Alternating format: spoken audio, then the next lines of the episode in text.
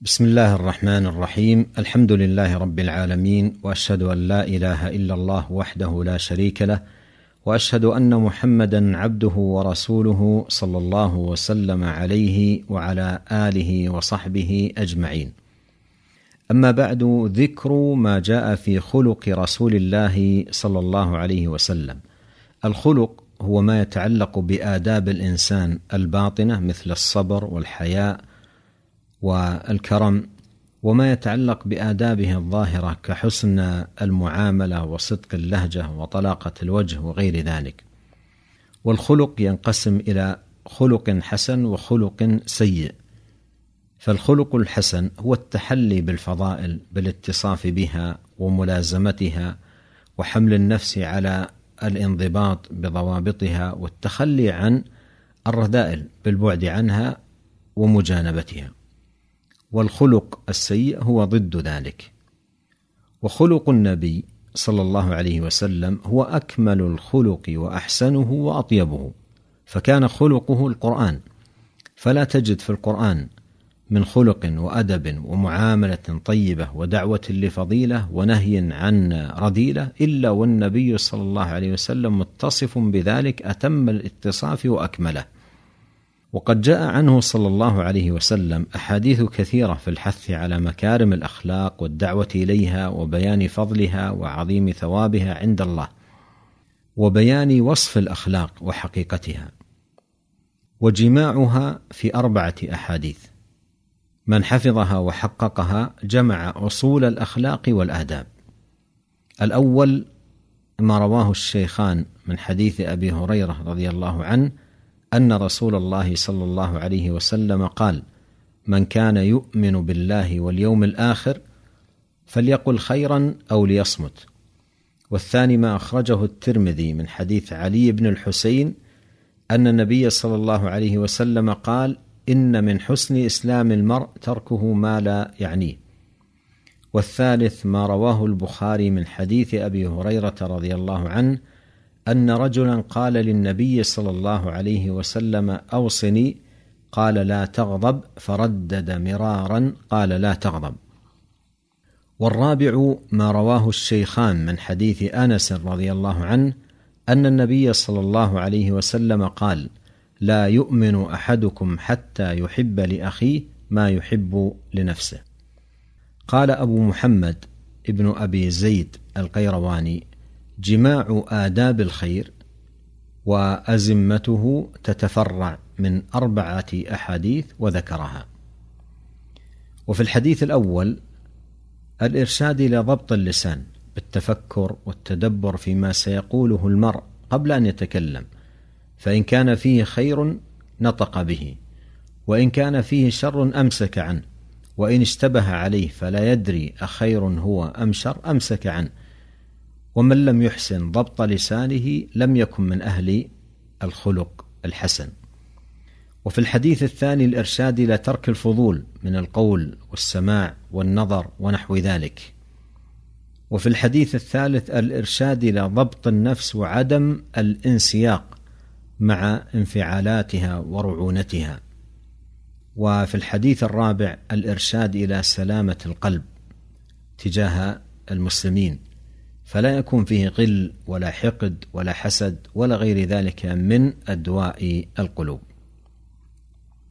عن أنس بن مالك رضي الله عنه قال: خدمت رسول الله صلى الله عليه وسلم عشر سنين فما قال لي أف قط وما قال لشيء صنعته لما صنعته ولا لشيء تركته لما تركته وكان رسول الله صلى الله عليه وسلم من أحسن الناس خلقا ولا مسست خزا ولا حريرا ولا شيئا كان ألين من كف رسول الله صلى الله عليه وسلم.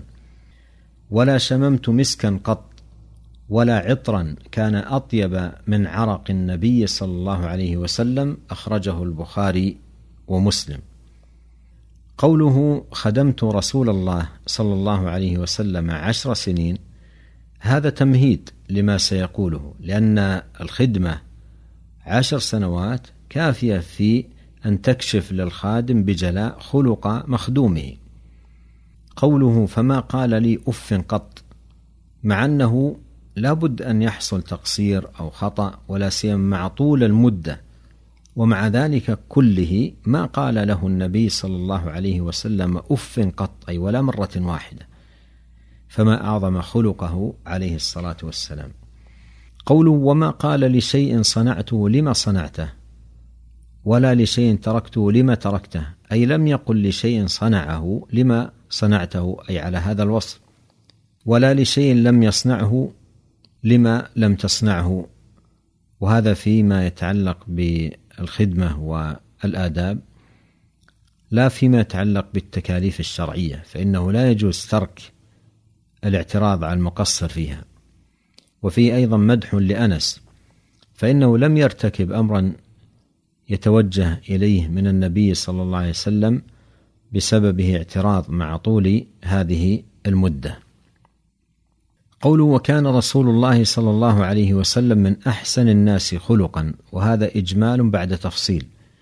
فكان صلى الله عليه وسلم من أحسن الناس خلقا في أقواله وأفعاله وآدابه وتعاملاته.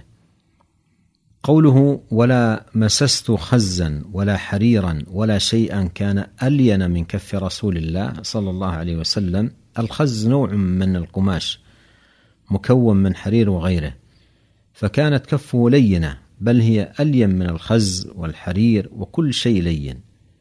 مسته يد أنس رضي الله عنه. قوله ولا شممت مسكا قط ولا عطرا كان أطيب من عرق النبي صلى الله عليه وسلم. كان عرقه عليه الصلاة والسلام طيب الرائحة. وهذا مما أكرمه الله سبحانه وتعالى به. وعن عائشة رضي الله عنها قالت لم يكن رسول الله صلى الله عليه وسلم فاحشا ولا متفحشا ولا صخابا في الأسواق ولا يجزي بالسيئة السيئة ولكن يعفو ويصفح. أخرجه الترمذي. قولها لم يكن رسول الله صلى الله عليه وسلم فاحشا ولا متفحشا أي لم يكن الفحش من هديه عليه الصلاة والسلام ولا من خلقه فلم يكن فاحشا في الأقوال ولا متفحشا في الأفعال. قولها ولا صخابا في الأسواق الصخاب هو الذي يرفع صوته قولها ولا يجزي بالسيئة السيئة ولكن يعفو ويصفح. أي إذا أساء إليه أحد لا يقابل سيئته بسيئة مماثلة لها مع أن مجازاه السيئة بسيئة مماثلة لها مباح. لقوله تعالى وجزاء سيئة سيئة مثلها والأفضل من هذا والأكمل هو الذي كان يفعله عليه الصلاة والسلام من العفو والصفح. لقوله تعالى في تتمة الآية السابقة فمن عفا وأصلح فأجره على الله إنه لا يحب الظالمين. وعن عائشة رضي الله عنها قالت ما ضرب رسول الله صلى الله عليه وسلم بيده شيئا قط إلا أن يجاهد في سبيل الله ولا ضرب خادما ولا امرأة أخرجه مسلم. قولها ولا ضرب خادما ولا امرأة. هذا تخصيص بعد تعميم. لأنه داخل في قولها ما ضرب رسول الله صلى الله عليه وسلم بيده شيئا قط إلا أن يجاهد في سبيل الله.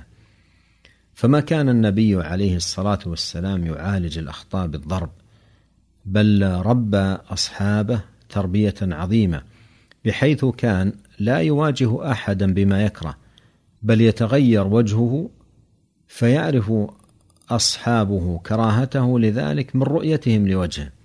وهي تربية ليس لها نظير.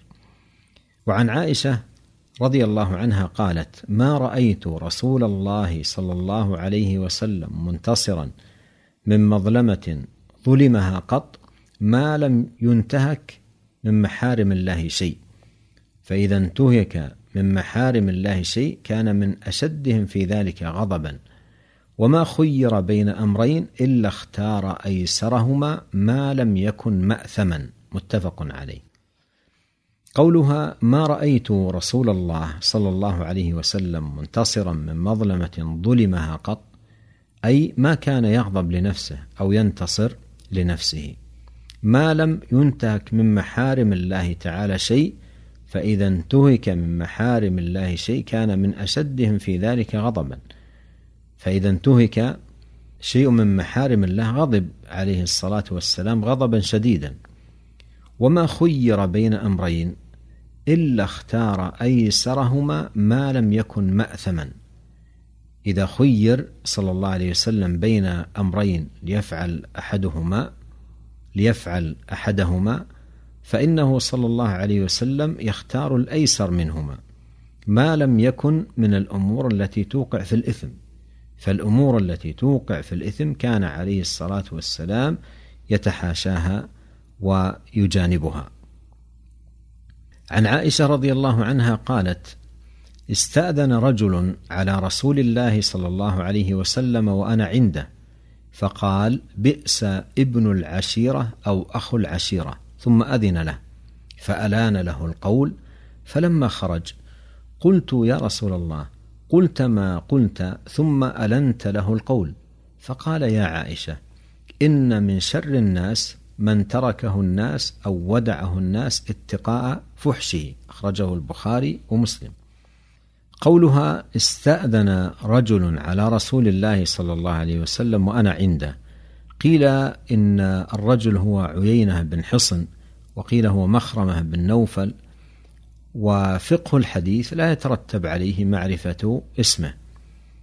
وهذا الرجل استأذن ليدخل على النبي صلى الله عليه وسلم في بيته. فقال بئس ابن العشيرة أو أخو العشيرة. المعنى واحد والعشيرة هي القوم والقبيلة وفي هذا تنبيه إلى ما عند هذا الرجل من فظاظة. ثم أذن له أي أذن له أن يدخل. فلما دخل ألان له القول أي أخذ صلى الله عليه وسلم يتحدث إليه بكلام لين. فلما خرج قلت يا رسول الله قلت ما قلت ثم ألنت له القول. كأنها رضي الله عنها تستغرب من حال الرجل التي وصف النبي صلى الله عليه وسلم من شأنه ما وصف ثم إلانة القول له. ومقابلته بالبشاشة وطلاقة الوجه والترحيب. فلما سألته عن ذلك قال يا عائشة إن من شر الناس من تركه الناس أو ودعه الناس اتقاء فحشه. أي من تركه الناس لما عنده من فحش. فمثل هذا إذا قوبل بغير اللين صدرت منه أمور عظيمة منكرة فالأولى والأسلم أن يقابل بالحسنى دفعا بالتي أحسن واتقاء لشره. قال النووي رحمه الله وفي هذا الحديث مداراة من يتقى فحشه وجواز غيبة الفاسق المعلن فسقه. ومن يحتاج الناس إلى التحذير منه. ولم يمدحه النبي عليه الصلاة والسلام ولا ذكر أنه أثنى عليه في وجهه ولا في قفاه إنما تألفه بشيء من الدنيا مع لين الكلام. وأما بئس ابن العشيرة أو رجل العشيرة فالمراد بالعشيرة قبيلته أي بئس هذا الرجل منها. ونسأل الله عز وجل أن يصلح شأننا كله وأن يهدينا إليه صراطا مستقيما. وأن يهدينا لأحسن الأخلاق لا يهدي لأحسنها إلا هو وأن يصرف عنا سيئها لا يصرف عنا سيئها إلا هو. إنه سميع قريب مجيب وصلى الله وسلم على عبده ورسوله نبينا محمد وآله وصحبه أجمعين. والسلام عليكم ورحمة الله وبركاته.